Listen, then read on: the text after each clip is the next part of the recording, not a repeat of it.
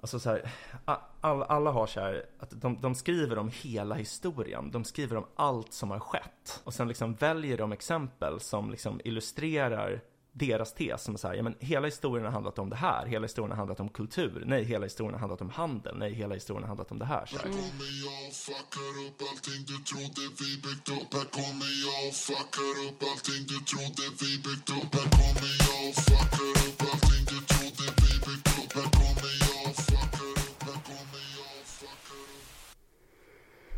Hej och välkomna till ännu ett avsnitt av podcasten Om och Men där vi reder ut det ni tycker är krångligt och eh, krånglar till det ni trodde redan var utrett.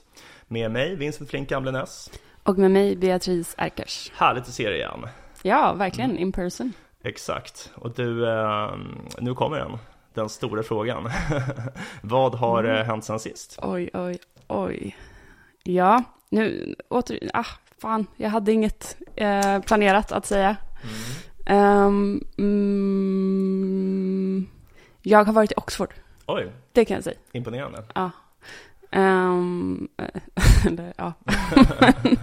Eh, eh, nej, men och ehm, det, det var väldigt kul. Jag var på så här, ehm, alltså jag var bara där och hängde, men det är en mysig liten Mm, stad mm. kan jag säga. Och de har, ehm, jag var där och jobbade på så här, det är ett coworking-ställe som heter Trajan House som är liksom massa, Mm. det är där Future of Humanity Institute har sina kontor till exempel. Mm. Man har Så- hört det nämnas i andra poddar. Har man det? Ja, det tycker jag ändå. Okej, ja. Men, um, eh, gud vad soft det var. Ja. Alltså, alltså att komma dit och så är det så lyxigt. det var så här, eh, jag vet inte, jag är ett sånt, ja men lite som vi pratade om i matavsnitt, eller jag kommer inte ihåg, men det var något avsnitt vi pratade om det här med att man vill bara maxa Mm. saker. Och där är det så här, det är väldigt mycket gratis saker. Ah, Alltså gratis nice. proteinbarer, gratis drickor, Mm, gratis mm. mat. Alltså de har en matsal där man fick liksom varmlagad lunch varje dag och det Wow, var massa wow. sallad. Och Så det du var... åkte hela vägen till Oxford bara för proteinbarer? jag, jag tror fan jag sparade in eh, resan Tjänade på pengar. att samla på mig proteinbarer och äta gratis. Ja, alltså det här kanske bara, det kanske är jag som i huvudet men Alltså det tog mig väldigt lång tid att inse att Oxford också var en stad Jag Jaha. trodde att det bara var ett universitet Oj! Så typ alla som åkte dit bara så här bodde på det här universitetet Jag bara gud alltså det måste vara ett helt enormt universitet Det så många som bor där typ Va? Ja. Men när insåg du detta då? Eller var trodde du Oxford låg, universitetet låg då? Nej men alltså jag fattade väl att det låg typ Någonstans, men jag tänkte att det var mer som typ Alltså att det var ett namn på ett universitet, typ som Princeton Jag fattade inte att det var typ som Uppsala universitet liksom Mm, mm. Um, och nu kanske Princeton också är en jävla by eller något, inte, men, men uh, ja okej, Men ja, Prin- coolt. Princeton ligger väl typ i, Är det inte New Jersey det ligger? alltså ja eller typ Eller är det Philadelphia. Yale som ligger där kanske? Eh, Yale Ja. ligger i New Haven. Ja, jag vet, inte- jag vet inte ens vad det är, men Ja. Ehm, nej, men... ehm, eh, nej, men tummen upp på Oxford. Ja, fan fett. Träffade du några kända um, Jag tror jag såg Will McCaskill faktiskt. Okej, Ehm, för han, jag, jag sneglade på honom han ser lite ut som en faun, har du tänkt på det? Om du Ja, tänker dig Tumnus i Narnia På tal om det så gick jag en sån här, ehm, lite så här tuntig turisttour liksom med en Ja. guide. Och då var det, eh, jag håller med om din spaning. Tack, Eh, tack Och då var det så här att eh, man kom till ett ställe som är ett, ett eh, känt ställe i Oxford. Ehm, Är den där puben? Nej, Ja. det var någon, någon universitetsbyggnad liksom. Mm. Ehm, och där satt tydligen uh, Tolkien och Ah. eh, C.S. Lewis satt i den här byggnaden. Ah, Ehm, och då var det, från den här byggnaden hade liksom två väldigt historiska saker hänt. ja, Eh, den ena var att uh, Tolkien hade suttit och spanat ut genom fönstret och sett, för man såg en annan byggnad med så här två torn. Ah Och det ska tydligen Ja, ha inspirerat innebär. Ja, eh, de två tornen. Eh, och sen det andra ska ha varit att C.S. Lewis en vinterkväll hade Ja. gått ut ur den här byggnaden. Ja, Eh, och eh, att det hade varit snö. Och så gick Ah. han en liten promenad. okej. Eller när han går ut där så var det så en väldigt fin gammal gatlykta där. Ah, wow Och den ska ha varit... eh, Och där under mötte han Will McCaskill. Exakt. Och ja, exakt. ja, okej. Ja, jag fattar. Alltså, det är en Mm. magisk plats, Oxford, allt kan hända. Ja, verkligen. Det känns som att många av de här historierna bara bygger på att de har suttit ner. Alltså de var nog inte så aktiva, de här akademikerna. Nej. Dålig form och ja. Men vilka böcker de skrev. Otroligt, Ja. otroligt. Mm, vad har du gjort sen senast? Ehm, ja, alltså jag har eh, kollat på Sveriges Mästerkock. Oj! Ja, det här är reality-tv-programmet. Mm. Och alltså, det har fått mig att eh, förlora mitt självförtroende. Eh, På ett eh, lite underligt sätt. Alltså gre- grejen är att när jag och Lona, min flickvän, vi brukade älska det här programmet. Vi såg liksom varje säsong i flera år. Vi har, eh, vi har kollat mycket på reality överhuvudtaget så här, men, men framförallt det här programmet då. Ehm, och, eh, men vi slutade för kanske fem år sedan, när vi slutade äta kött så slutade vi kolla för att mycket av det programmet är liksom, går ju ut på att de liksom steker um, ankfiléer och så här. Mm. Det, liksom, det blir mycket mindre roligt när man inte äter det själv typ. Mm. Eh, Men jag kommer ihåg att när jag kollade på det senast för typ sex år sedan då kanske, så tänkte jag så här, att jag, alltså jag tänkte ju inte att jag skulle kunna slå alla, men jag tänkte att jag skulle kunna gå väldigt långt. Att jag tänkte typ så här, alltså jag var minst lika bra som majoriteten som var med. Ehm, men nu när jag ser det, så inser jag att det där var bara helt fel. Alltså så här, jag hade inte gått vidare ens från liksom den första aud- aud- auditionen. Så jag vet typ inte riktigt hur jag tänkte. Mhm. Så att jag har liksom insett att jag typ, nej, alltså jag, jag var liksom helt megaloman. Alltså, Men tror du, är är det att de har steppat upp sina game? Nej men alltså grejen är att jag tror inte det, för jag började tänka på typ så här mer grejer. Och det där var liksom en känsla som jag hade om nästan allt fram tills att jag var typ 25. Att jag var så här, gud alltså jag skulle vara så mycket bättre på det här, jag skulle äga dem. Alltså så här, vad jag än typ tog del av, typ om jag läste en bok eller om jag liksom såg en film eller något. Men det är liksom en känsla som jag typ aldrig har längre. Men du, jag känner igen det lite. Alltså att man var sådär, att man trodde att allting var lätt. Ja, exakt. och innan så har man blivit något. nedbruten av Ja. livet typ. det, Ja, exakt. Så jag, ja, jag har liksom insett när jag såg Sveriges Mästerkock att jag liksom har förlorat mitt självförtroende typ helt och hållet sedan dess. du har ljugit för dig själv. Ja, och- exakt. Alltså det, det, nu har jag ju en mer sund inställning, men det är samtidigt lite tråkigt att ha förlorat det här liksom ungdomliga megalomanin. Ja, man vill ju inte låta det gå för långt så att det blir just det här att man blir en sån här bitter som inte Ja. vågar göra någonting. Exakt, så man späker sig själv som han den här albinon i Da Vinci-koden. Ja, men, men mäster, Sveriges Mästerkock, är det sådana som är vanliga människor som lär sig laga mat? Eller är ja, det alltså proffs? det är också så jävla fjantigt typ, för att det är liksom, de, alltså det är någon sån här regel att om man är kock, om man jobbar som kock, då får man inte ställa upp. Mm. Utan så här, för det, det är fusk då, fusk, fusk. Så typ, när de hänvisar till dem, så liksom får de, all, de anstränger sig jättemycket för att aldrig använda ordet kock. Så de så här, de säger så här, du är en jätteduktig matlagare. Man bara, men det är inte ett ord i svenska språket, man använder ju inte, man använder inte så liksom. Mm. Jättefjantigt. Och det är också typ, det är en jury av två så här framgångsrika kockar. Han den här Marcus Ajelaj och sen är det han som har Lilla Ego. Jag vet, jag minns inte vad han heter. Nej, inte jag. Men sen är det typ en så här inkvoterad kvinna som inte är kock. Som här, och det är liksom, hon, hon bara sitter där och typ hon gör sig själv till åtlöje liksom. Alltså det är liksom, det är jättejobbigt för att det är alltid så här, när någon av de andra kockarna säger något så är det alltid att hon upprepar det. Men sen när hon säger någonting först, innan de har sagt något, då är det alltid som att det blir lite tyst efteråt så här, och stelt. För att de båda tänker så här, det där är inte sant, typ, det här stämmer inte. Men vad gör hon då om hon inte är kock? Jag tror att hon jobbar typ importerar viner eller något sånt där. Aha. Um, Vad, ja men vad mm, schysst att de kunde hitta en kvinna. men det känns som att det är svårt. Det känns som att alla sådana där kockar på finkrogar är män. Och också så här män av ett visst slag typ. Ja, det kanske de är. mm, Men det måste ju finnas kvinnokockar eller? Ja, men det gör det säkert. Alltså, det gör det säkert. Då Men, får de ju ta någon från någon lägre restaurang bara, eller vad man ska säga. nej, men det finns säkert alltså, jätteduktiga. Men jag tänker ändå att de är liksom överrepresenterade ändå. Men, Mm, mm. Och att alla är typ helt sjuka i huvudet och skriker och uh, förolämpar dem. Ja, men det Ja. tror jag på absolut. Det är, um, um, alltså när jag haft, jag har haft någon tjejkompis som har jobbat i kök liksom, Mm. men som slutade eh, för att det var för uh, macho, äcklig Ja. stämning typ. Ja, men jag tror verkligen det också. Mm. Men ehm, på tal om det så ska den här The Bear vara väldigt bra. Mm. Om eh, du, du nämnde den eller någonting tror jag. Alltså jag vill verkligen se den, men min teori är att um, alltså alla som har sagt att de tycker om den till mig är kvinnor. Ah. Så min teori är att det framförallt handlar om att han huvudpersonen är ganska snygg. Ja. Eller att det är liksom, Du tror inte att det räcker för dig då? nej men alltså jag känner ju inte riktigt samma attraktion. Alltså, men, men, eh, för det är också så här typ alla, alla bilder på honom så är det så här uppenbart att de har typ att de har liksom så här satt typ säkerhetsnålar bakom hans eh, t-shirt-ärm så att det ska se ut som att hans så här, kläder håller på att liksom brista av hans enorma biceps liksom. Så det är verkligen så här, jag tänker att det är så de säljer in det, att han ska vara jävligt sexig liksom och stå där och vara liksom lite svettig och ha sig, den här kock-looken liksom. Typ Aragorn i köket. Ja men typ Aragorn i köket. Ja. Ja. Det är liksom ett battle. ja. Men nu känns det som att det har blivit ett uh, tv-serieavsnitt. Jag har, jag har en sak till jag vill innan vi lämnar tv-serier. Ja, dela. Tittar du på Bachelor? Eh, nej, men jag har sett på Dyngbaggegalan att eh, han uh, strular med alla typ. Ja. Ja. men han, han ser ut som en kille som jag hängde med i grundskolan som jag hatar. Så att, varje gång jag ser honom så är det bara så här, jag hatar ditt ansikte liksom. Ja. Jag blir bara provocerad av att se honom. Ja, Mm. ja. Eh, jag förstår den känslan, jag har den Mm. med en annan person. Mm. Men... eh, Vill, du, vill du berätta vem? jag tror inte vi ska nämna namn, nej. Eh, Börja på V, sluta på Incent. eh, nej, det kan jag lova. Eh, men eh, okej, nej men då, då är det inte så mycket att säga. Men jag tycker Bachelor är väldigt bra i alla fall. ja, men jag ska definitivt se det. Alltså svenska Bachelor, jag klarar inte av typ amerikanska Bachelor eller sådana grejer.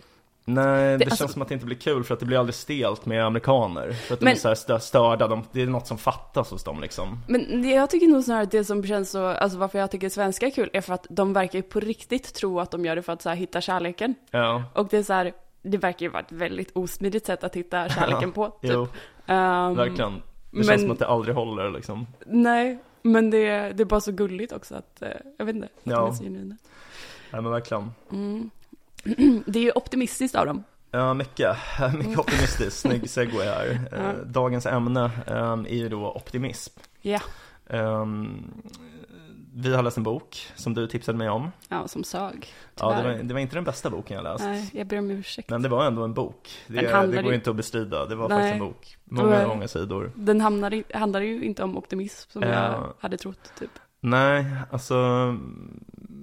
Alltså, den var dålig, men, men, men vi, vi, vi kan värdera den sen. Jag tänker liksom Mm. att man ska bara beskriva först. Den, Mm. den här boken hette då The Rational Optimist. Mm. Ehm, how eh, Prosperity Evolves. Eller hur? Ehm, och den är skriven av en eh, brittisk man som heter Matt Ridley. En, eh, han har en doktorsgrad grad från Oxford, apropå. Och han har också suttit i det eh, brittiska parlamentet. Jaha. Eh, men, men alltså, det, han, har, jag, jag har hört talas om honom innan faktiskt. Mm. Han, han, eh, det finns vissa som säger att han är den enda uttalade libertarianen som någonsin har suttit i det brittiska parlamentet. Jaha. Eh, Och det tycker jag att man, man märker verkligen att han är libertarian när man läser den här boken. Men, men alltså det, det tåls att sägas då att han har inte suttit i parlamentet på riktigt. Han har suttit i the House of Lords. Mhm. Som är liksom I Sverige hade vi tidigare en tvåkammarriksdag Och det har de fortfarande i Storbritannien Så att de har liksom en med bara folkvalda och en där det ingår bland annat då folk som ärver sin plats Och det har Ridley gjort Mm. Och det enda de kan eh, göra då är att de kan typ så försöka eh, hindra House of Commons, alltså det undre huset, eh, från att driva igenom sina förslag och tvinga dem att omvärdera det. Så att de har liksom ingen direkt makt på samma sätt som de folkvalda. Men ändå. Och han har då skrivit den här boken där han går igenom vad han tror att det är som skiljer människor från andra hominider, alltså andra människoapor. Och hans svar är då att det som skiljer oss från andra arter är handel. Ja, och det är där då hans libertarianska ideologi kommer in. Mm. Att han, han älskar handel, han älskar den fria marknaden sådär. Mm. Ehm, ja, men ehm, vad, ehm, vad, vad tyckte du då? Du, du gillade inte boken? Ehm, alltså, hade det varit den första boken av det här slaget som jag hade läst så hade jag Mm. gillat den. Och den har ju några år på nacken ska vi säga. Den kom väl ut typ 2012 eller något. Alltså, Mm. ehm, för, för länge sedan. Ehm, Det märks faktiskt ibland. Ja, för det, det känns som att det nästan har blivit en uttjatad tes vid det här laget. Just där. Mm. Alltså, jag kommer ihåg hur revolutionerande jag tyckte det var när typ Hans Rosling första gången, när Ja. jag liksom såg hans eh, animationer och, och såg honom prata. Eh, just det här med att åh, världen är mycket bättre än vad den någonsin har varit. Mm. Ehm, Exakt. och att det kändes revolutionerande då. Men sen så har man läst liksom ett antal böcker av det slaget nu och jag tycker verkligen att så här, ja men Hans Rosling, eh, Steven Pinkers Enlightenment Now tyckte jag jättemycket om när jag läste också. Mm. Ehm, men eh, sen så liksom känns det som att det kommit mer och mer sådana böcker. Ehm, och att nu så, Mm. alla använder samma exempel, alla använder Ja. liksom, man bara ja, jag har, jag har fattat tesen typ. Ja, alltså det var hela den här liksom ideologiska svängen som det känns som att vi båda liksom lite har halkat in på av Mm. olika skäl. Det, det blir liksom mycket som en ekokammare. Alltså det som du säger, det är liksom exakt samma exempel, alla håller med varandra. Det känns liksom inte som att det någonsin någonsin blir ifrågasatt. Jag tror att, typ att man blir lite galen av att läsa mycket sådana böcker. Mm. Och det, alltså det de har gemensamt är ju dels att alla så här, tror att allt kommer bli bättre så där, men, men det är också att de Alltså så här, a- all, alla har så här, att de, de skriver om hela historien, de skriver om allt som har skett. Eh, och sen liksom väljer de exempel som liksom illustrerar deras tes som är så här, ja men hela historien har handlat om det här, hela historien har handlat om kultur, nej hela historien har handlat om handel, nej hela historien har handlat om det här. Så, här. Mm. så att att det, liksom är, det är något så himla självsäkert med det där och liksom när man tänker på själva arbetsmetoden att, så, så inser man typ att det är så himla lätt att göra det här. För att de, om de har hela historien då kan de ju bara ta exempel som, Mm. som illustrerar deras poäng. Det är ju inte så svårt liksom, man kan ju bevisa vad som helst på det sättet. Mm. Så att jag, jag har verkligen tröttnat på den typen av böcker. Så jag känner att vi måste, nästa gång måste vi läsa en bok som handlar om någonting specifikt, tycker Ja, jag. jag kanske ska läsa baksidestexten också innan jag väljer en bok vi ska läsa. Ja. Ja, men det är något så, det är så själv, det är något så självsäkert och anglosaxiskt över det som, som stör mig. Jag tycker det, det känns mycket vanligare i USA, Storbritannien och Australien att tänka på det här sättet. Ja, verkligen. Ja, finns några svenska exempel. Det är ju typ Hans Rosling. Men han känns ju, han känns ju inte lika enkelspårig i det heller. Nej, inte lika Mm. tycker jag ändå. Och det är mycket med att han, så här, han skriver om nutiden så här, som det är nu. Inte, han, det är inte så att han, för det är alltid att de går igenom antiken och sen har de något exempel på så här, romarrikets ekonomi och sen, liksom, sen hoppar de till eh, eller hoppar de tillbaks till liksom Makedonien och hur det var under kung Filip den andra. Så det är alltid så samma Mm, grejer liksom. mm. Ehm, Man kan ju säga, alltså, alltså, man håller ju med. Typ så här, ja men, han skriver typ att, ja men på 1800-talet i England så var livslängden 40 år gammal. ja. Det är bättre nu. Uh, spädbarnsdödligheten var extremt hög för det är den inte nu. Ehm, medellivslängden har ökat, människor är friskare, ehm, vi har mycket större valmöjlighet vad gäller mat, vad gäller Ja. yrken, vad gäller allt möjligt. Mm. Så det är liksom tipptopp. Um, och då är hans tes då att ja, men då är det rationellt att vara optimistisk Mm. inför framtiden. Ja. eh, om vi fortsätter med liksom, Ja. ja. tillåter frihandel. Ja, exakt. Att det är det som är... Ja, precis. Alltså, jag håller också med honom. Alltså, ehm, absolut. Jag tror att vi delar många politiska åsikter. Det är liksom inte det som är problemet, utan mer hans sätt att skriva som stör mig. Mm. Men om man ska säga lite mer specifikt vad han går in på då, så han- han, han tar som liksom exempel att så länge det har funnits individer av liksom homo-släktet eh, så har man liksom kunnat hitta spår av handel. Och ett, ett exempel han tar är alltså den vulkaniska bergarten obsidian. Som är liksom man, under stenåldern så användes obsidian för att Eh, tillverka skarpa föremål. Det är liksom en, en, en typ av sten som det ser ut lite som svart glas och liksom är väldigt lätt att göra väldigt, väldigt skarp. Så innan man kunde liksom framställa metallföremål så var det liksom det skarpaste man kunde hitta. Och man har hittat obsidian liksom tusentals mil bort från där obsidian finns naturligt. Och det är liksom ett tecken på handel. För det är så här, man vet att människor kunde inte röra sig så här långt under en livstid så att det måste ha varit handel liksom i flera led. Eh, Så att det var liksom Innan man byggde egentliga byggnader och sådär, man bodde fortfarande typ i grottor och kojor och så här, men det fanns ändå handel då.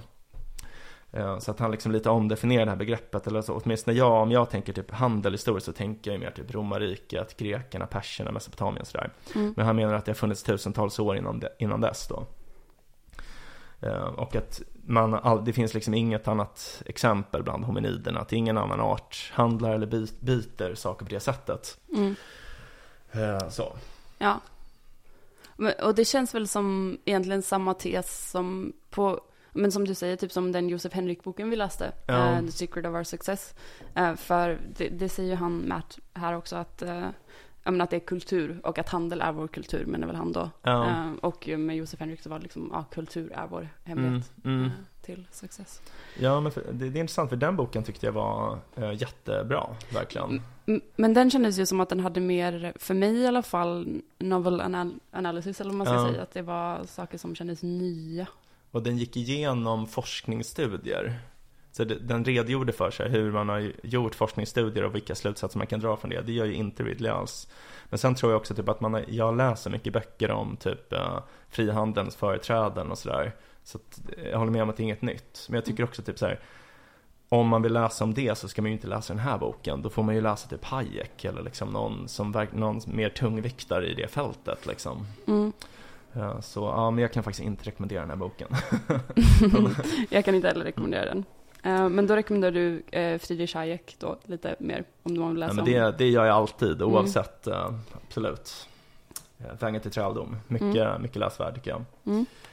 Eh, men okej, ska vi gå igenom några saker som, några fler saker som jag stör mig på med den här boken? Absolut, har du en lista, kör. Eh, han, ehm, han pratar bland annat om att han är emot välgörenhet. Ja.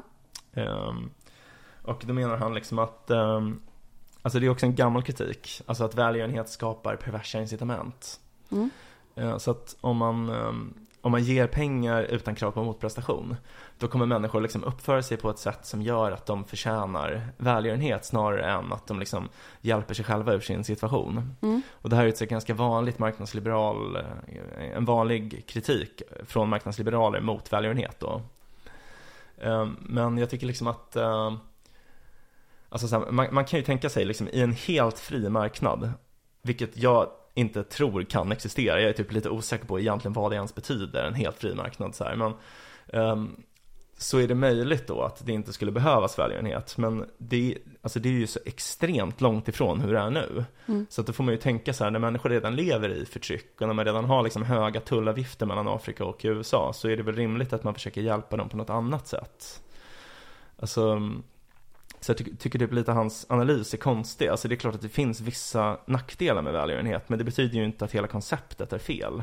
Nej. Så, Och det här känns ju som en sån grej som, för jag håller med, eller det finns en någon teori som jag inte kommer ihåg vad den heter nu, men ehm, det här med eh, att det bästa man kan göra för fattiga länder är att få hjälpa dem få igång sin ekonomi. Typ. ja, Så snarare än, än liksom välgörenhet att eh, försöka hjälpa dem få igång någon sorts handel och ekonomi eh, och bli mer självständiga.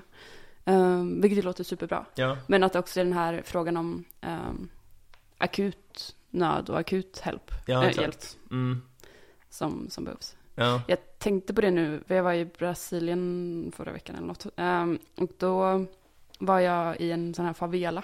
Aha. En sån fatt... Ja, Vad sjukt, alltså kan man åka dit? Jag trodde det var typ farligt att åka dit. Ja, men eh, I'll get to that. För att eh, jag, jag var dit, jag gick dit för att jag träffade en som liksom brukade göra sådana guideturer i favelor. Så, Okej. så han bodde i en favela. Okej, sjukt. Det var en amerikansk snubbe.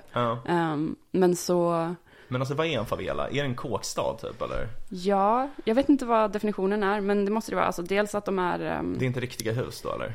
D- det är ju liksom väldigt hemmastickrade hus och ehm, ja, enligt Wikipedia så är det liksom eh, kåkstäder som omger de flesta större städerna i Brasilien. Mm. Ehm, och att det är eh, typ i, i Rio de Janeiro där jag var då så var det liksom över 700 favelor i bara Rio. Oj, Eh, fan vad sjukt. och att de, de byggs ju upp utan liksom um, government Ja, tillstånd liksom. Ja, okej, Eh, okej. Så de kan också komma och riva Det när är som svart, helst. svartbyggen liksom. Ja. Ehm, men då i alla fall så, ehm, då blir det så sjukt just när man sitter med så mycket EA-teorier, typ, alltså effektiv altruism-grejer och det är Mm. väldigt mycket abstrakt. Det är liksom så här, ja men grejer som long-termism som är Mm. liksom, ehm, ja men vi kan göra så himla mycket mer nytta om vi försöker fokusera på folk som är eh, tiotusentals år långt fram i framtiden. Eh, men då blir det så när man går igenom ett område där liksom folk är uppenbart fattiga, Mm. Det var så här verkligen, eh, att man, jag, det var väldigt mycket knarkhandel i den här favelan Mm. till exempel. Eh, och då så, att det var så här 15-åriga snubbar som sitter med så här AK47 typ. Wow. Och bara, det är liksom Ja. deras dag, att de sitter Mm. och vaktar där. Mm. Eh, och att det ofta är, liksom, de kallar det krig mellan polisen och de här Mm. knarkhandlarna. Mm. Eh, och att man ser liksom kulhål lite överallt. Alltså Wow. det blir så, um, Sjukt. det blir, då, då blir en sån här, ett sånt statement känns så himla, ja men vi måste ju göra någonting. Mm. Dock så är det inte så att jag tycker att, ja, att det bästa man kan göra då är att skicka mat liksom, eller något sånt. Mm, Utan då, mm. det, um, det som känns mest akut då är ju infrastruktur typ. Alltså Ja. att så här, hjälpa, hjälpa till att skapa förbindelser till resten av samhället. Så att de som bor i favelan, som Ja. inte håller på med knarkhandel, kanske ändå har möjlighet att skaffa ett jobb eller... ja, precis. Ta sig ur fattigdomen. Ja, precis. Ja. Ja, så det blev lite, lite ödmjukad av mötet med världens lidande som är Siddhartha moment. Men det är svårt att inte känna sig som ett svin när man så här, Ja. om man så här, eh, men jag Man går tycker... ut och bara, datorerna är viktigare, Ja, men är när man- vi måste skydda oss från datorerna. Ja men så här, eh, ja men när jag pratade med han, den amerikanska snubben som hade så här flyttat till den här favelan och så, Mm. att det, det är inte så att jag kommer och smäller upp, eh, Mm. nej men AI safety. Nej, Eh, jag fattar.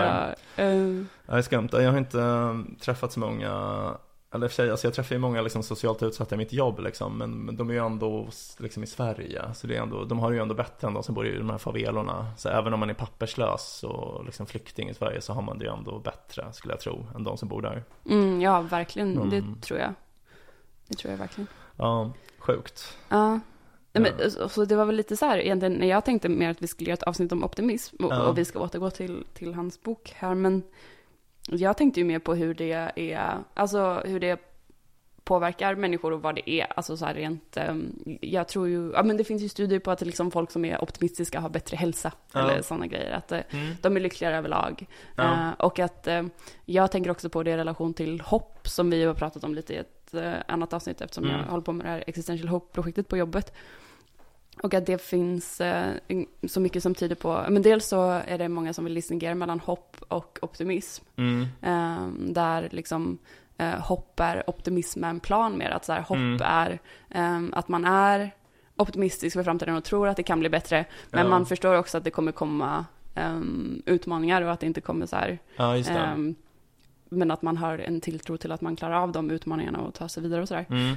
Um, Medan optimism verkar bara vara rent generellt så här. mm, Du, du tror att saker och ting kommer att work out for the best. Mm. Uh, ja, uh, glaset är halvfullt helt enkelt. Ja. Eh, som det gamla eh, uttrycket. Ehm, Ja, alltså, men det är lite svårt typ, med vad man menar för att jag har alltid tänkt typ att ehm, man inte ska ha höga förväntningar. Jag, jag blir väldigt irriterad på människor som har jättehöga förväntningar på allt, framförallt på andra människor. mm, För de blir ofta så här att de klagar jättemycket när deras förväntningar inte infrias. mm, Typ om man tänker så här varje gång man träffar sina vänner så ska man liksom bli förstådd på djupet och alla ska lyssna på när man pratar. Alltså du vet så här, Mm. man har jättehöga förväntningar på alla. Då blir man ju så besviken och liksom en jobbig person ja. Men om man har lite lägre förväntningar och är så här, nej men människor kan man kanske inte alltid orka lyssna på en, så här, just det man själv vill prata om och så här. Man måste vara lite så här, ja. gå folk till mötes. Alltså så här, då blir man ju en bättre person tänker jag. Jag känner mig lite kluven, för jag håller med om så här att, eh, att ha låga förväntningar tror jag gör att man är lyckligare Ja. överlag som person. Alltså Mm. för att då jag känner man, man känner sig generellt sett mer tacksam, man blir inte besviken över Mm. saker och så. Men det är också någonting som, för jag tror att jag alltid har haft ganska låga förväntningar, eller Mm. folk har haft ganska låga förväntningar på mig. Ehm, Det vet jag inte. men, men att jag upplever att jag under senare tid liksom har fått mer att människor eh, har högre förväntningar på mig och att det är ändå så här att I rise to the occasion lite mer Mm, då. jag fattar. Eh, och Mm. det ser jag ändå som positivt. Dock får det ju inte gå för långt där när det blir eh, att man sätter hela sitt värde till hur man presterar eller ja, sådana grejer. Ja. Jag fattar, nej men det, det är väl lite, lite dubbelt liksom, att man vill ha höga förväntningar på sig i vissa fall men inte i andra. ja, man vill ju ändå Så. så här vara, kännas att man har ett ovillkorligt människovärde. Ja. man ska säga. Ja, jag hatar när de tar ifrån en människovärdet alltså. Det är så jävla jobbigt. Så sitter man där, värdelös. Ja. Ja. Men, eh, Nej, ja. men jag tycker, alltså just så här, ja men just tacksamhet som du tar upp, det tycker jag typ är en av de viktigaste så här, dygderna. Ja. Alltså så här, människor som är väldigt tacksamma och alltså det är ofta människor också som har så starkt medlidande med andra, Mm. eller hur? Att man så känner tacksamhet för allt man själv har fått och att man så mår dåligt när man tänker på andra som inte har fått, fått det lika bra som en själv. De människorna är ju typ de bästa människorna, man borde ju bli mer så liksom. Ja, och tacksamhet verkar ju vara typ den bästa ehm, medicinen för att liksom vara lycklig också. Mm, Eller ja. att det, det är det närmsta vi kan komma till att vara lycklig liksom. Det kanske är det jag borde Mm. förskriva.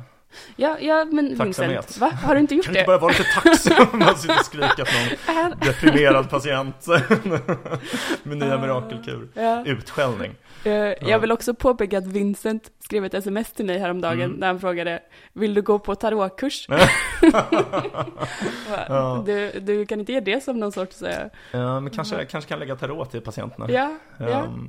Många skulle ju säkert eh, Se bara... den säger var tacksam. Ja, många skulle säkert gå på det eftersom vissa är psykotiska liksom. Ja, Så det, ja. Ja, det kanske är kul. ja, men det där måste vi göra en gång. Vi, alltså i framtiden ska vi ha ett eh, tarotavsnitt när vi har gått den här kursen. Absolut, ja Mm. men jag är på. Men, eh, jo men, men liksom för att gå tillbaka till optimismgrejen så, Mm. så tycker jag det är intressant hur ens mentala liksom um, mindstate eller vad man ska säga kan Ja. påverka liksom verkligen hur, eh, hur ens liv är och att Mm. växa upp i en, ett sånt område som en favela till exempel där Mm. det finns väldigt mycket social hopplöshet Ja, tänker jag. Ja. Ehm, att det nog har en väldigt stor effekt och påverkan på Mm, hur mm. ens liv eh, kommer forma sig. Verkligen. Och att det är de som har mer mental resiliens liksom och kan Mm. lyckas vara optimistiska, kan lyckas fortsätta ha en tro på att nej men det är möjligt för mig att ta mig ur den här situationen. Mm, mm. Att de faktiskt har mycket större chans att lyckas. Jo, men rimligt. Absolut. Ja, nej men ehm, jag vet inte om jag är en optimistisk person egentligen. Nähä? Um, alltså, jag skulle säga att jag är någonstans medel. Mm. Jag, jag förväntar mig ofta att saker ska gå åt helvete faktiskt. Jaha. Men sam, alltså, så här, samtidigt så gör jag ju mycket saker som jag tänker att man inte skulle göra om man inte hade någon optimism. Alltså, för, jag- för jag tänker så här att om man är lite optimistisk så gör man så här saker som kan gå väldigt bra, men inte kan gå så dåligt. Alltså typ som att vi startar den här podden, det är ju lite så, så att om det, det kan ju bli så att det går jättebra, det blir svinkul och sådär, men det kan ju också vara så att typ, nej men det här sög och då är det ju inte så farligt typ. Mm. Det tänker jag är något som utmärker en optimist, att man gör sådana grejer typ. Mm. Så att eh, på ett sätt är jag väl optimistisk, men samtidigt om jag bara så introspekterar liksom, så tänker jag, så här, jag har ofta sådana tankar så här, ah, det här kommer gå åt helvete, det här kommer liksom, jag har så här katastroftankar liksom. Mm. Men det är väl kanske att jag är liksom lite neurotisk. Mm. Um, Mm. Ja, men, eh, men jag skulle nog säga att jag är ganska optimistisk. Eh, men jag håller ju... eh, och- alltså det, det är ganska intressant om... ibland får man ju sådana, kalla det vad man vill, psykoser eller någonting. När det när det är liksom... eh, eh, när man bara... Nej, nu, det är kört, allting typ. Alltså Ja. så här. Och då är det så här, och det är, jag tror ju på något sätt att jag ser klarare och mer realistiskt på saker då. Ja, alltså ja. det är ju den känslan man får verkligen att nu, verkligen. Men jag tror också att det är så lite. Ja. Medan jag kan vara ganska så här, oh, Mm. eh, Frid och fröjd, happy-go-lucky liksom. Ja men precis. Ja. Men det, samtidigt vill jag ju, alltså det är ju skönt att vara sån. Men det är ju också så här, det, det här har vi pratat om innan i något avsnitt, men det är ju liksom, det är så oerhört hög status att tro att allt kommer gå åt helvete. Det pratar ju Mm. faktiskt Ridley om i den här boken. Så att jag tror att det är lite det, att så här, när jag är ensam kanske jag tror att det kommer gå bra. Men så här, när jag ska prata med andra, då vill man liksom posera och bara nej det här kommer inte gå bra, allt går åt helvete med miljön och så här typ. Man får ju status av att klaga på världens utveckling. Ja, Um, ja men verkligen. Men, och det är ju som, som hela vår eh, existential hope-grej. ja, Det är, jag tycker det är lite pin att Ja. prata om. För att det är så här, särskilt när det blir så här, åh, jag är en glad liten tjej, typ. ja. som ska prata Ja, om är att allting. Speciellt när man är en glad liten tjej. ja men det, jag får verkligen den, åh, pin. Mm. Eh, nu, men, och därför så känner jag att jag alltid när jag pratar om det måste påpeka väldigt mycket typ, Mm. men riskerna, riskerna, riskerna, typ. Mm. Mm. Och det är liksom att, att det Ja, att det blir halva poängen. Och, och jag tycker Mm. verkligen att det är halva poängen för man ska vara medveten om riskerna. Men, ja, eh, men du får typ klä dig i svart eller något när du ger den här informationen för att väga upp så att du så ändå ser lite ja precis. luguber ut eller Precis, ja. nedstämd för att visa Som att jag, jag verkligen, det tar emot men jag Ja. känner hopp. Exakt. Ja. Ja. ja, nej men um, Alltså det, okej men lite mer om den här boken då kanske. Mm. Ehm, han går igenom uh, barnafödande. Eh, Mm. Som tydligen när den här boken skrevs så var det till en stor oro i världen. Att vi skulle liksom överbefolkas. Mm. Det känns som att man lite släppt det, eller så är det mitt intryck. Jag tycker inte folk pratar så himla mycket om det. Nej, det, nej, för det är ju, um, alltså då, jag tycker folk pratar om det som är inte som, eh, som inte är så oroliga över miljön. Medan Mm. det här, eh, den mer um, mainstream miljöorosgrejen Mm. eh, verkar ju vara att folk är, ja, tycker att man inte ska ha barn för de är rädda över att, vi, Ja. för att jorden ska befolkas typ. Eh, men det pratar vi om i Ja, just det. långtermism-grejen, att där förespråkar man ju barn. Ja, det gör jag också. Jag tycker det är sjukt att tycka att det är fel, Mm. faktiskt. Mm. Där måste jag ändå tala klarspråk. Jag är emot. Ja. antinatalisterna. Men ehm, ja, nej, men alltså han, han går igenom typ att ehm, det är som en ekonomisk lag kallar han det. Det är också så här fjantigt att ekonomer ska prata om lagar, det är inga lagar. Det är bara hur människor uppför sig ibland i vår kultur typ. Mm, De, men de vill vara så här, de vill vara som naturvetenskapsmän. mm, ja, ja, men eh, han pratar om så här, när man når en viss eh, nivå av välstånd så börjar liksom eh, fertilitetstalen gå ner. Och att så här, det krävs inga statliga interventioner. Han, han tar exemplet med Kina som hade enbarnspolitik. Och så liksom visar han att eh, alltså fertilitetsutvecklingen i Kina med enbarnspolitiken var i princip identisk med den i Sri Lanka. Trots att Sri Lanka inte hade någon politik, alltså inte gjorde några politiska ingrepp. mm. Så var det ändå så här att fertiliteten utvecklades i takt med ekonomin på exakt samma sätt som i Kina. Det tyckte jag var ganska intressant. Mm, det var det verkligen. Det, är liksom, det, där, det gör typ ingen skillnad då. Men man undrar ju om det skulle göra skillnad åt andra hållet. Om det var typ så att staten liksom betalade pengar för att folk skulle få barn. Om det skulle ha effekt. Men det gör man väl i typ ehm, Belarus och så? Ja, i vissa länder gör man ju det. Ja. Men det skulle vara intressant att liksom veta om, om, det, om det funkar där. Ja, men verkligen. Men det känns som att vi borde kunna få reda på det om några år, eller? Jag vet Ja. inte om, om man har gjort det historiskt sett. På Alla det. kanske kommer prata vitryska om några år. Ja. om alla får liksom 40 barn. ja. Mm. Ja, nej men jag håller med. Det vore, vore verkligen jätteintressant. Men, men han pratar om det som ett så himla bra grej, att så här, fö, födseltalen går ner. Och det är också något så här obehagligt självsäkert med honom typ. Så han bara, ja men det är liksom, man får ett bättre liv, man har inte massa barn att ta hand om typ. Men han glömmer ju liksom att det blir massa människor som inte finns till då. Så här. Ja. För, de, för de är inte bra. Och han tar också som exempel så här, bara, ja men ett av de bästa grejerna med tvn, det är typ så här att folk behöver inte ha sex längre för de kan bara sitta och kolla på tv typ. Och han- bara så här, det är så himla bra. Man bara, men alltså är det verkligen så bra typ? Alltså det är ju ändå lite överdrivet glad reaktion över det här tycker jag. Ja, ja men verkligen. Analysen måste väl vara det som, som är väldigt antiutilitaristiskt liksom bara. Att så här, att Ja. det är bättre med, eller ja, vi återkommer till den här repugnant conclusion grejen. Men Mm. att då, han menar att det är bättre att ha få, färre personer som mår bättre Mm. på individnivå. Eh, helt enkelt.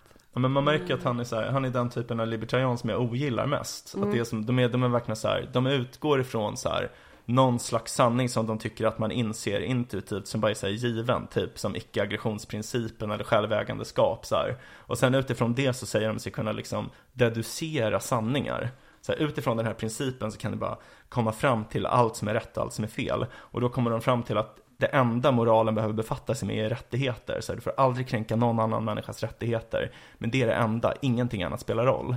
Och jag tycker typ att det är ett så jävla CP-sätt att resonera om moral.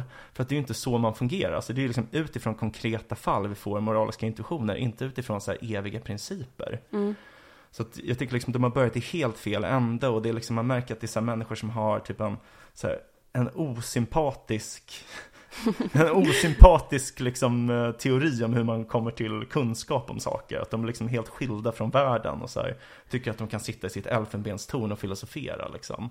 Det, är, det var lite kul för jag vet att han skrev typ att eh, eh, libertarianer är mer generösa än de med socialistisk eh, övertygelse. Mm. Eh, han, Intressant.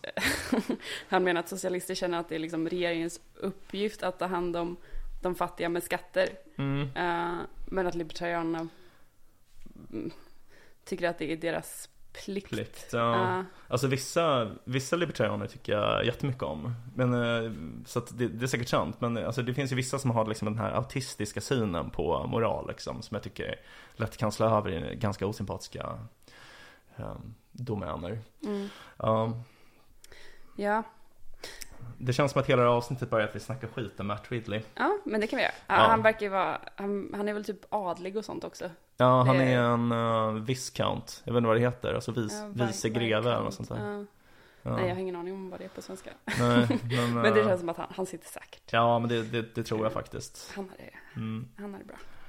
Ehm, ja, en annan grej han pratar om är ju det här som är liksom att en bred, eh, att i ett samhälle, ju mer människor litar på varandra, Mm. eh, desto mer välmående är samhället ofta.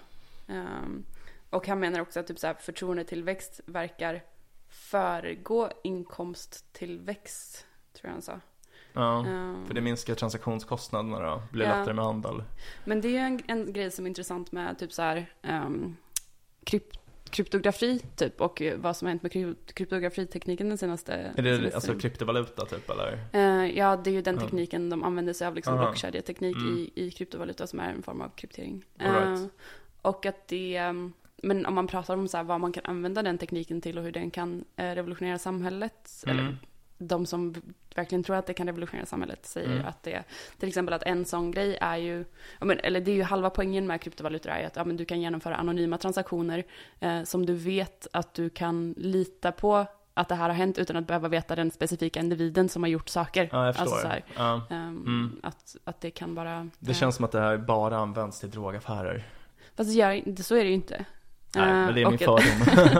Ehm, men eh, droger och vapen är ju absolut ett... eh, det är väl det som alla, alla mainstream-människor, Vincent, Mm. tror att det är. Men är, är, är det inte en stor del då? Eh, det är nog absolut en Mm. del. Men, men det är också så här, alltså jag, jag... För jag tror ju på krypto till viss del och att så här... eh, jag tycker att det har en intressant ideologisk aspekt i att så här... eh, men tänk liksom någon i...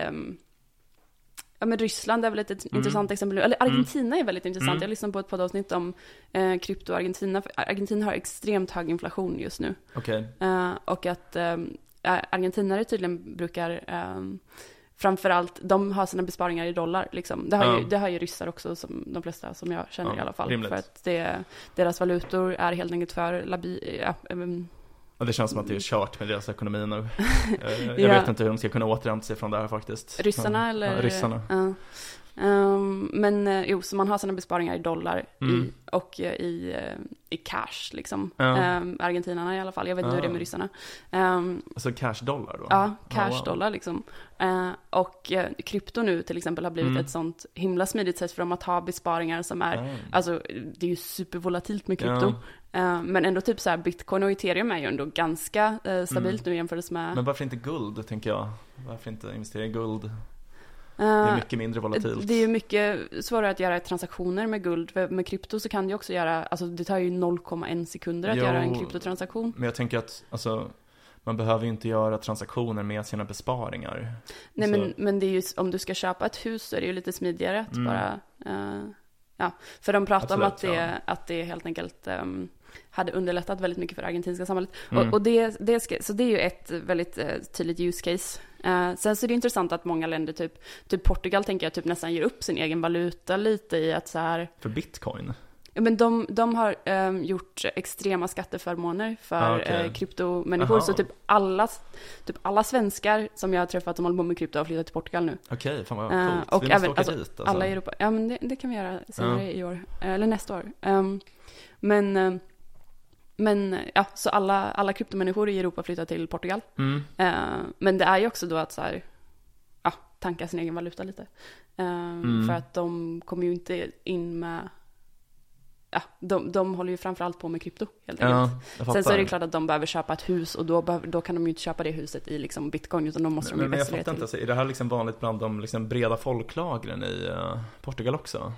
Nej, nej, utan det är det- ju, det de- är folk som har blivit rika på krypto Ja, som flyttar till Lissabon. Liksom. Ja, Eh, men det var, nu har jag helt hamnat på, jo, så min, Mm. eh, för att komma tillbaka till liksom den ideologiska poängen är ju typ mer länder där du har en väldigt instabil ekonomi, typ Mm. eh, Venezuela eller någonting, att du så här, eh, om du skulle ta dina, om du hade fysiska besparingar Mm. och du behöver fly från ett land, ja, du kommer inte kunna liksom ta med dig dem, medan om du har det ehm, i en USB-sticka eller om Ja, du har det ja. bara i, i liksom, om du kommer ihåg eh, koden till din wallet key liksom. mm, mm. Eh, då, då kan du ta med dig liksom dina besparingar utan att behöva ha allt det här fysiskt. För du kan inte heller ha det på banken. För, Mm. för banken är liksom ja, för inne i, i liksom den vanliga valutans system. Mm, mm, jag fattar. Ja, så, så jag tror ändå Mm. att det finns sånt där. Men ehm, det var också anledningen till att jag började snacka om det här var för att vad kryptografi kan göra för, för handel. Vilken detour. Ja, Ja. eh, och då är eh, till exempel, ja men det är ju liksom att man kan genomföra eh, transaktioner. Typ jag kan ge- genomföra en handelstransaktion med någon Mm. på andra sidan världen utan att behöva veta vem den är. Men jag vet ändå helt säkert att jag kommer få det jag har betalt för. Ja, för att det, det är liksom, it's written in the code liksom. Ja, ja. Eh, så det går inte för den här personen att lura mig. Ja, men det är bra. Det är och det, bra. ja, men det brukar väl kallas för så här, ehm, smart contracts Okej. eh, och sånt. Så, Så man, man behöver liksom inte ha det här förtroendet i samhället innan. precis, utan systemet förtroendet är inbyggt i tekniken. Ja, ja, jag förstår poängen. Ja. Men ehm, det låter ju det låter bra. Det låter som att det kan leda till liksom, eh, att det underlättar ekonomisk utveckling mellan ehm, folk och kulturer som saknar förtroende för varandra. Ja, precis. Plus. Men samtidigt så kan man ju tänka typ att ehm, handel är ju någonting som eh, ofta har upprätthållit förtroende mellan folk. Mm. Så att det, man går ju lite miste om det också. Man tänker liksom eh, historiskt så har ju liksom länder som har fri handel eh, mellan varandra då, mellan sig själva då och det, de, det andra folket, de har ju sällan hamnat i krig. Mm. Eh, så det är liksom inte samma avskräckande effekt då om man har det här systemet. Nej, jag håller med. Det, det har ju varit väldigt intressant med typ Rysslandsgrejen. Att Ja. det man, man vill ju inte göra något som kan fucka med handeln. Typ. Det, det har ju varit det som har tagit emot eh, Precis. mest. Och det är väl Mm. också därför till stor del som det inte är verkligen krig, krig. Mm, Eh, mm. Men, alltså det är ju krig, krig mellan Ryssland och Ukraina. Men mellan eh, kanske mer, ja förutom kärnvapen också då. Ja, nej men visst. Ja, nej men eh, intressant. Eh, det är ju verkligen ett tecken på optimism att investera i krypto, tänker jag. Det är ändå så här ganska nytt liksom om man ser till eh, de flesta sätten att investera. Även om det har funnits i massor av år nu så är det ändå ganska nytt. Om man jämför med typ investera i guld eller investera i indexfonder eller aktier och sådär. Ja, verkligen. Men, men det är också en sån grej som... ehm, jag tycker inte att man bara ska investera i krypto. Men Mm. att man, krypto kan vara en grej som har... Ja, men dels som sagt att bitcoin och ethereum är ganska stabila vid det här laget. Ehm, men också att det finns extrem potentiell uppsida i vissa kryptovalutor. Eh, så att man, om man investerar ett belopp som man har råd att förlora så kan man också ha en, nå Mm. en extrem uppsida. Ehm, men jag håller med om att det är lurigt. Ja, nej men ehm, Så inget ekonomiskt eh, advice. nej, bra. Du vill inte att man ska ta dig på Nej, orden helt och hållet? inte, så. eh, Lägga nej. över allt i krypto, någon galen kryptovaluta. Jag vill inte bli stämd eller någonting. Exakt, den här podden måste lägga ner nu på grund av det, lite dåliga financial advice. Mm. Ja, nej. Ja, men ehm, ska vi ehm, börja sammanfatta lite då? Ja, men eh, det kanske vi kan göra. Eh, Vi har läst den här boken då av Matt Ridley som vi båda tycker är dålig. Ja. Eh, För att han är för självsäker. Egentligen inte för att han har fel, jag tycker typ han har rätt i egentligen i det mesta men bara så här, jag tycker inte om det sättet att skriva en bok och jag liksom tycker inte om hans sätt att tänka så här. Jag är emot honom som person. Mm. Ja. Vad, mm, ja, jag bifaller. Mm. Tackar, tackar, tackar. Eh, ja. En, eh, en em, sista liten grej som bara så här, vi inte har berört riktigt Mm. i det här avsnittet så är det väl em, men jag tycker också att det är ganska rationellt att vara optimist. Ja. Eh, och sen så är det väl eh, kanske en, en kul grej med, eller en intressant grej med optimism ur ett mer filosofiskt perspektiv är väl mer den här, eller jag tänker den mest intressanta boken jag har läst på ämnet är typ Voltaires Candide. Jaha. Ja. Eh, eller det, det är ju liksom att eh, den här huvudrollen, Mm. eller det är um, Pangloss. Ja, just det. som Pangloss, som är läraren- Leibniz. Ja, Ja. som är Leibniz som, liksom, som säger att vi lever i den bästa av världar. ja. Mm, och att det är, Det är fel då liksom. det menar väl, det menar väl Voltaire. Ja. Eh, för att det, det bästa vi kan göra är att liksom odla vår egen trädgård och att se till... Sig själv. Ja. Sköt dig själv. Och Ja. puttas inte. Det är verkligen så här dagislärdom. Men, ja, men den kanske är bra Candide. Jag, alltså jag läste den på A-kursen i litteraturvetenskap. Jag kommer ihåg att den störde mig lite. Men jag kanske ska läsa om den. För det, det, jag kommer ihåg det jag tänkte då var så att eh, Voltaire, det är uppenbart när man läser den boken att han har haft en idé. Mm. Och sen utifrån det har han hittat på karaktärer för att illustrera den här idén. Mm. Och eh, det är någonting som jag generellt inte tycker om när jag läser. Mhm. Utan jag vill liksom att, jag vill ha liksom en författare som så lever sig in jättemycket i karaktärerna. Så här, liksom att det är liksom karaktärernas röster som är det viktiga. Och det är inte så en tydlig idé de vill illustrera liksom. Mm, vad spännande. Ja, ja, Vad- ja, men det kan vi prata om. eh, en annan gång. mm, Ja, ja. Verkligen. Ehm, ja, men jag, jag läste den på gymnasiet och då tyckte jag inte den var så bra. Mm. Eller då fattade jag nog inte så mycket. Mm. Och sen så läste jag den också på säkert A-kursen i litteraturvetenskap eller någonting. Och då vet jag att jag tyckte om den. För att jag fattade analysen mer och liksom han gav mig lite mer. Mm. Men det är vissa roliga scener, alltså typ när de står på det här skeppet och det är massa som drunknar. Och Pangloss står och tittar på dem medan de drunknar och säger så här. Det här är er bästa, liksom, så här, det hade inte kunnat bli bättre liksom. Och, ja. Men är det inte lite intressant i förhållande till eh, någonting du har sagt, vilket är att du tror att vi inte kan vara så mycket lyckligare än vad vi är nu? Mm. Eh, jo, kanske. Eller hur menar du? Tror, tror du att vi lever i den bästa av världar för oss, för vi kan ändå inte bli så mycket lyckligare? Jaha, du menar för oss personligen liksom?